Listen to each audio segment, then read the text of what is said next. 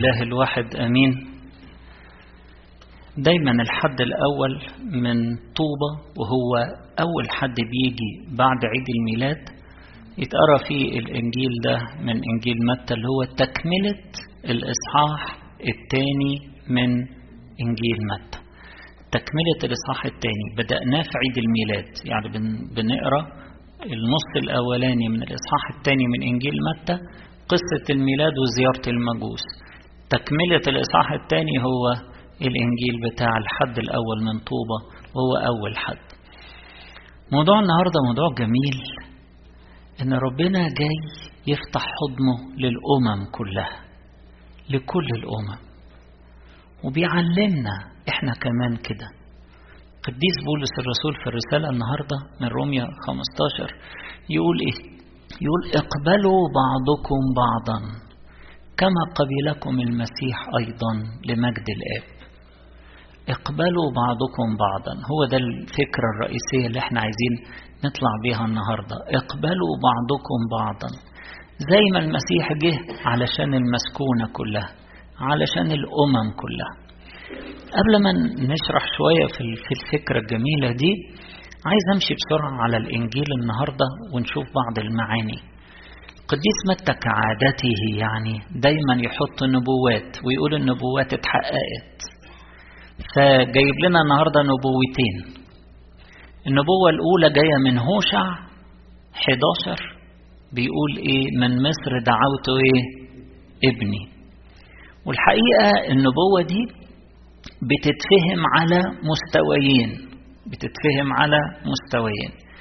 المستوى الأول اللي هو المباشر خالص اللي هو جه في السفر بيقول إسرائيل كان ابني البكر. طبعا إسرائيل هو بكورة الشعب اللي جه من العالم لله. هو الابن البكر. وبعد كده كل العالم بقوا أولاد لربنا. بس الابن البكر هو إسرائيل. وربنا حتى قال لموسى تروح لفرعون كده وتقول له اطلق ابني البكر. وإلا أنا هموت ابنك البكر. فإسرائيل ابني وأنا من مصر دعوت ابني. فده المعنى المباشر إنه لما خرج معنى النبوة إنه لما خرج إسرائيل اللي هو ابنه من أرض مصر بقى كده من مصر دعوته إيه؟ ابني. المعنى الثاني وده اللي شرحه لنا القديس متى النهارده وحطه لنا في الإنجيل إنه كمان ابن البكر الابن الوحيد الأزلي المتجسد ربنا يسوع المسيح هيروح مصر ويطلع من إيه؟ من مصر فيبقى من مصر دعوته إيه؟ ابني. فهنا ده النبوة بتاعت هوشع فيها المعنيين دول. النبوة الثانية جاية من إرميا بتاعت رحيل تبكي على أولادها. يقول لك صوت سمع في الرامة. الرامة دي شمال أورشليم يعني على بعد بيطلع من جنوب أورشليم حوالي 9 كيلو. والرامة دي عشرة كمان ولا أكتر شمال أورشليم يعني المسافة ما بين بيت لحم والرامة حاجة بتاعت فوق ال 20 كيلو أو يعني 13 14 ميل أرض جبلية يعني بتاخد وقت في السفر فصوت البكاء اللي كان في بيت لحم مسموع في الرامة إشارة. لكمية الألم والحزن اللي كانت موجودة عند الأمهات اللي أولادهم اتذبحوا طبعا يعني في ناس بقى بتقعد تحكي قصص وتبالغ في الأرقام. اللي ماتوا ما بين حسب تقدير كل الدارسين ما بين 20 ل 60 طفل ما بين 20 ل 60 طفل. بحساب حجم بيت لحم في ذلك الوقت والأطفال اللي في السن ده. لكن طبعا مش قليل يعني لما أم واحدة بيموت لها طفل بتصرخ. فما بال دول هفترض خمسين أم. فيعني لكن هو الصوت الشديد ده عبارة عن الألم الشديد مش مجرد يعني فعلا الصوت كان مسمع على بعد عشرين كيلو. لا يعني ده عايز يقول قد إيه كناية عن قوة الحزن أو شدة الحزن اللي كان موجود. زي ما إحنا عارفين إن الأحداث إن المجوس زاروا السيد المسيح بعد حوالي 42 43 يوم بالظبط وواضح إن هم قضوا معاه وقت. قضوا معاه وقت بدليل إن هم ما رجعوش في نفس اليوم بيتوا. يعني بيتوا في بيت لحم. ما, ما زاروهوش لمدة ربع ساعة نص ساعة ساعة ومشي ورجعوا على أورشليم. وراحوا قالوا لهيرودس لا ما حصلش. ليه؟ لأن هم بيتوا في بيت لحم وجالهم الملاك بالليل. يقول لك أوحي إليهم في حلم. مش كده؟ أوحي إليهم في حلم إن هم إيه يمشوا يمشوا من من المكان. فراحوا وقعدوا مع المسيح وقت دي حاجة جميلة إن هم يقعدوا مع المسيح شوية وقت. وبعدين بيتوا في بيت لحم وفي نفس الليلة جه الملاك ليهم وجه الملاك ليوسف. قال لهم أنتوا تمشوا من حتة تانية وما تروحوش لهيرودس. وقال ليوسف خد الصبي وأمه وذهب إلى أرض مصر. الكلام ده بعد دخول المسيح الهيكل على طول يعني بعد 40 يوم 42 43 يعني هم بيستنوا لما يخلص السبت علشان يسافروا تاني الجليل. بيستنوا لما يخلص السبت لأن السبت ما فيهوش سفر ما فيهوش حركة ممنوع. الحركة خطواتها محدودة فما ينفعش الناس اللي هتسافر تسافر يوم سبت لأن طبعا بيمشوا كتير. فما ينفعش يكسروا السبت. فبيستنوا دايما المسافرين من الجليل لليهودية ومن اليهودية للجليل في أي اتجاه دايما يبتدوا السفر بتاعهم يوم الحد الصبح. فهم دخلوا المسيح الهيكل وقدموا التطهير بتاع الست العذراء بحسب الشريعة في اليوم الأربعين. بعد كده رجعوا على بيت لحمة مستنين لما يعدي السبت وبعدين يسافروا. في الوقت ده جالهم المجوس وبعد كده راحوا أرض مصر. طبعا زي ما إحنا عارفين في التاريخ هيرودس مات. مات على طول بعدها بشهرين ثلاثة ما كملش. مات في ربيع سنة أربعة قبل الميلاد هو الحساب اتعمل متأخر وكان في خطأ. فالمسيح اتولد في مش في الميعاد اللي هو صفر في الميعاد اللي هو أربعة قبل الميلاد. آخر سنة خمسة قبل الميلاد وأول سنة أربعة قبل الميلاد.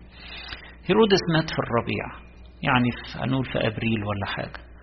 فعلى طول الملاك كلم كلم يوسف كانوا في مصر وقال لهم ارجعوا خلاص. الملاك الناس اللي بيطلبوا نفس الصبي ماتوا.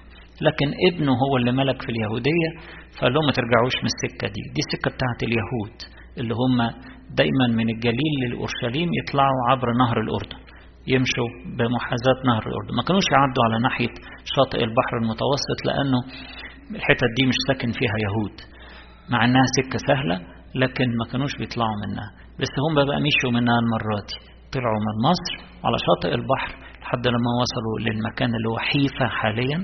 حيفا وفيها مغارة فيها العائلة المقدسة عدت وموجودة لحد دلوقتي وبعد كده دخلوا منها على الناصر. وبيقول في الأنبياء برضو بيكمل برضو النبوات القديس متى؟ وبيقول يدعى ناصريا. وكلمة ناصريا بالناصري باللغة العبرية نيتزر. نيتزر نفس الكلمة يعني غصن غصن فرع غصن. ففي نبوات كتيرة ست نبوات. جت في إشعيا وفي حسقيال وفي إرميا إن هيأتي غصن من أصل يسى بالذات النبوة الشهيرة في إشعيا 11 عشان ما ننساهاش نحفظ واحدة بس. على الأقل إشعيا 11 يأتي غصن من أصل يسى ويحل عليه روح الرب إلى آخره.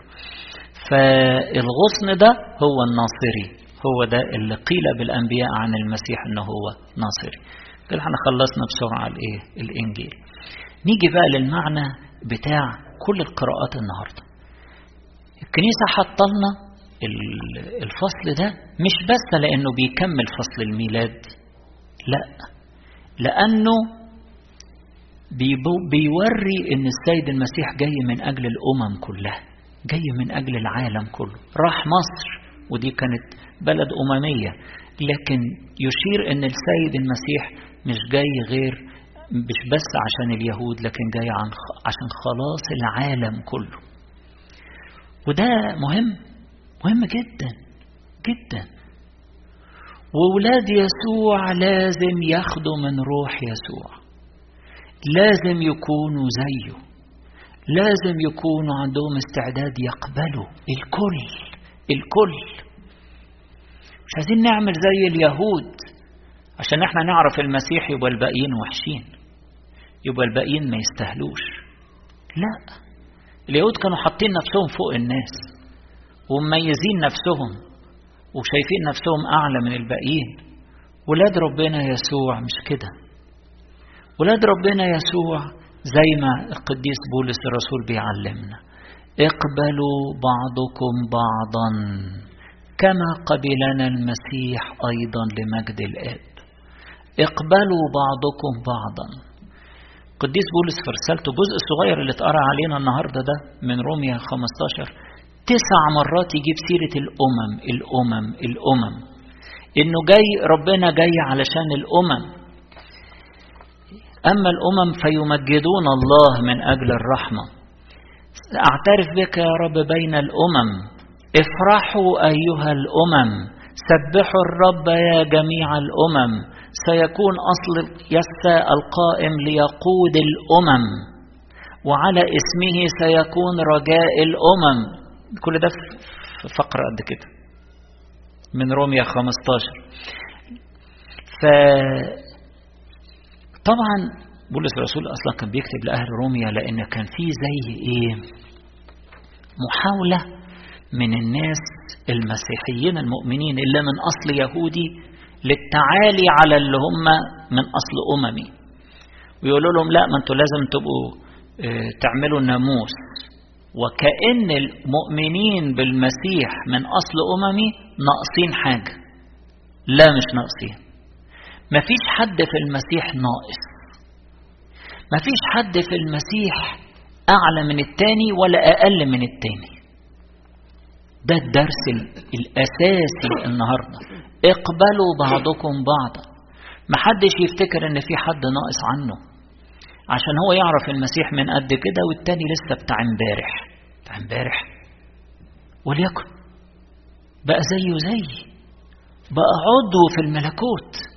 بقى نال التبني. زيه زي بالظبط. مسيح لممنا من من من الشارع. لممنا وعطانا نعمة التبني ليه. ونقول له يا أبانا. ونقول للآب يا أبانا. فاحنا كلنا محدش يتعالى على الآخرين. محدش يقول أبدا إن ده فلان ده بتاع أول امبارح. بتاع أول امبارح. ما المسيح ضمه ودخله بيته. وبقينا كلنا على ميدته. وبنتناول من جسده ودمه. وبنتغذى بكلامه. وبنتملي بروحه. عايزين إيه؟ محدش يتعالى على التاني. اقبلوا بعضكم بعضا. كما قبلنا المسيح أيضا. لمجد الآب. زي ما المسيح كده ضمنا وإحنا كنا بائسين. رفع البائسين من المزبلة ليجلسهم مع أشراف أشراف شعبه. رفع المساكين من التراب. رفعنا كلنا من التراب. مين يتعالى على حد؟ مين؟ ده إحنا كلنا بقينا أعضاء في جسد واحد أسرة واحدة. أعضاء في جسد واحد. نقبل بعضنا بعض. دي حاجة مهمة جدا. محدش يتعالى على حد. والناس اللي بره بنحبهم وفاتحين لهم حضننا وندعوهم للإيمان. ندعوهم إن هم يتمتعوا معانا بالبنوه لله يتمتعوا معانا. باب الكنيسة دايما مفتوح. باب قلوبنا دايما مفتوح. روح التعالي دي مش عندنا. مش موجودة في ولاد ربنا. يا خسارة لو حد من ولاد ربنا شايف نفسه أحسن من غيره. أنا علشان دخل كبير علشان عندي لقب كبير وعلشان أنا مشهور وعلشان أنا معروف وعلشان الناس بتحترمني عشان أنا طبيب ولا محامي ولا حد كبير أستاذ في الجامعة. كل ده وزنات ربنا عطيهانا عشان نخدمه بيها لكن إحنا كلنا متساويين. كلنا متساويين. محدش بيرفع نفسه عن الآخرين. اقبلوا بعضكم بعضا. لا أنا ما اتعاملش معاها. دي شخصية لا لا لا دول مستواهم. أنا بحب الكل. ليه؟ ليه نقبل بعضنا بعضا؟ ثلاث حاجات عايزين نحطهم في ذهننا جدا.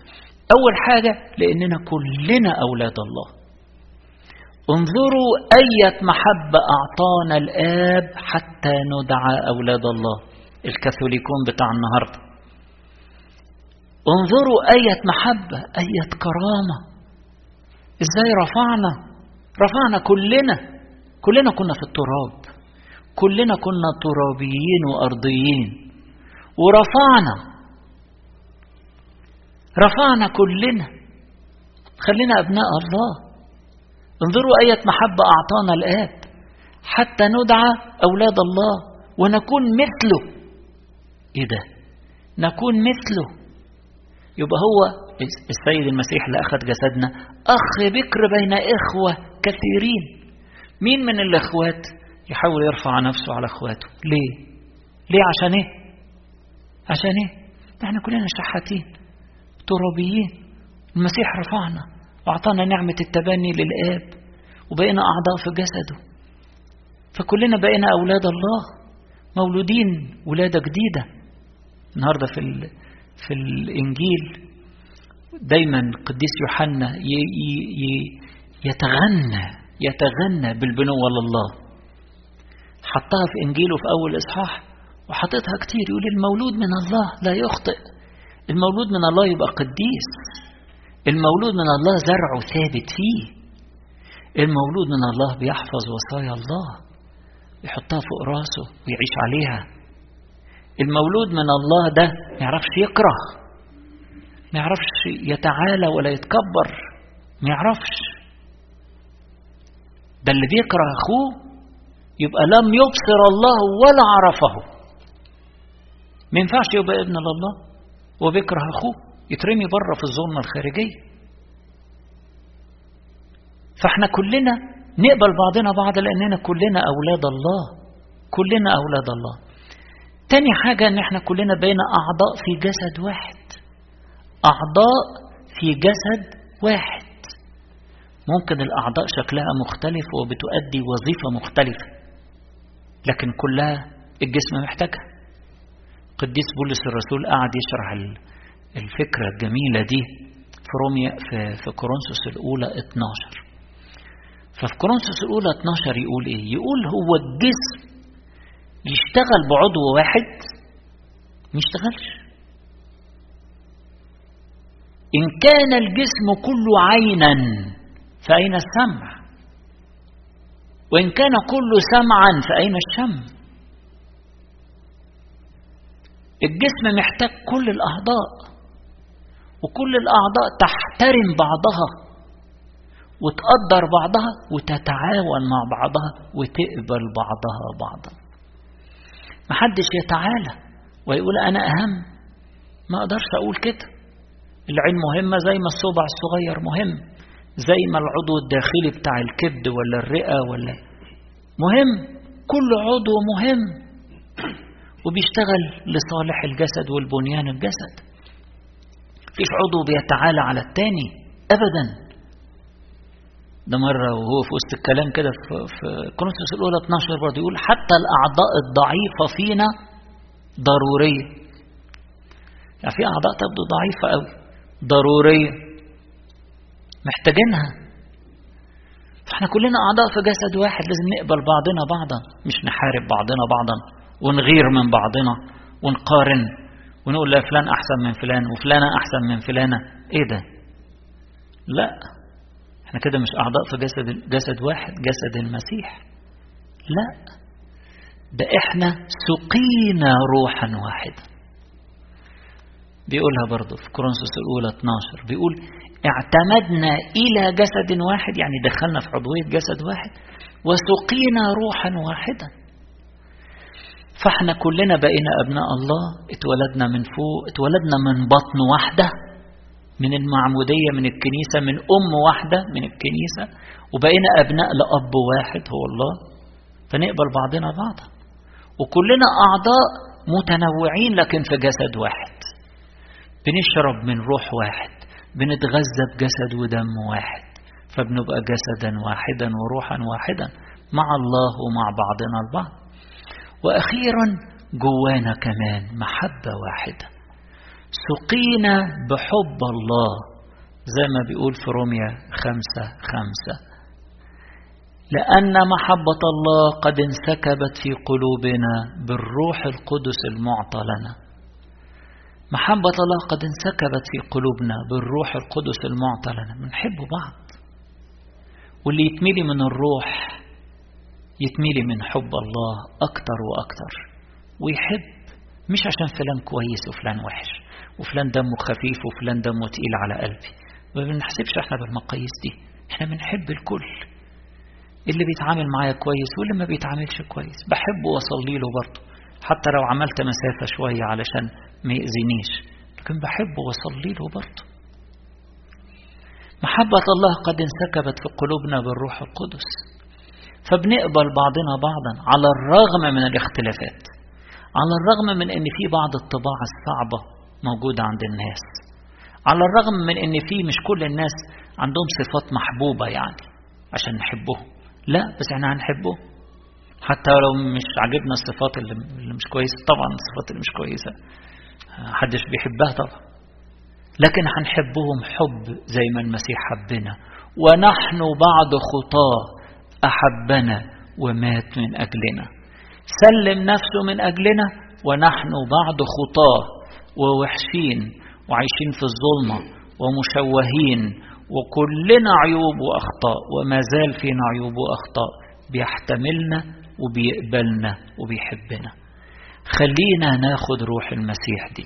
زي ما الكنيسة بتعلمنا النهاردة أنه جاي لقبول كل الأمم. الأمم اللي عايشين في الدعارة وعايشين في النجاسات وعايشين في الشر وعايشين في العنف جاي عشانهم؟ أيوه. وبيحبهم وقابلهم وفتح لهم حضنه. ساعات نشوف النهاردة مقاسي مقاسي عكس الكلام ده خالص. موجود في الكنيسة. تلاقي ناس عمالين يحرضوا على حد ويكتبوا فلان سقط زي النجوم من السماء. وفلان بيعمل ويسوي وفلان ده بيقول تعاليم مرفوضة وفلان ونقعد نشوه بدل ما نصلي. بدل ما اصلحوا أنتم الروحانيين مثل هذا بروح الوداعة ناظرا إلى نفسك لئلا تجرب أنت أيضا. غلط يا ستة واحد. لا ده إحنا نصبنا نفسنا ديانين. وعمالين ينشروا على الميديا. فلان. طبعا فلان ده ممكن يكون حد كبير يعني أو كنيسة من الكنيسة الكنيسة الفلانية كلها وحشة. يا سيدي وأنت ما أنت عندك ضعفات قد كده في الكنيسة بتاعتك يا أخي. اقبلوا بعضكم بعضا بالمحبة وصلوا من أجل ضعفات الآخرين. مش مش مش تشوهوا صورة الناس وت وتنشروا الفضايح بتاعت الناس. صلوا من أجل البعض علشان خاطر تصلحوهم بروح الوداعة وبالمحبة وبالتفاهم. هو الجسم لما يكون فيه مرض لو أنا عندي مثلا مرض في إيدي أقعد كده أو شايف إيدي وحشة إزاي وأقعد أوريها للناس كده؟ ولا بهتم بيها ودويها وأحط لها دواء وأخدها للطبيب ويقعد يقول لي بص دي عايزة علاج كذا وعايزة علاج كذا وأقعد أتابع معاه. حتة مني. دي حتة مني. أنا مش بكرهها ولا بفضحها. دي حتة مني. خلينا ناخد روح المسيح اللي فاتح حضنه للكل اللي بيحب الكل وبيقوم بوداعه وبحب وبي وجاي علشان يشفي وعلشان يخلص جاي علشان يدينا حياة جديدة. جاي علشان يكون لنا حياة ويكون لنا أفضل.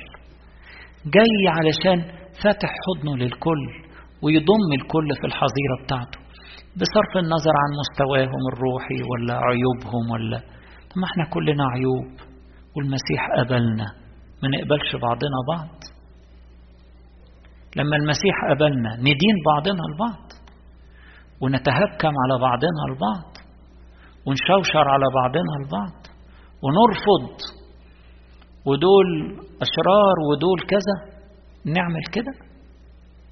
ولا ناخد وصية الإنجيل نحطها فوق راسنا ونعيش بالروح الجميلة دي؟ اقبلوا بعضكم بعضا كما قبلكم المسيح أيضا لمجد الله له كل المجد والكرامة إلى الأبد. آمين.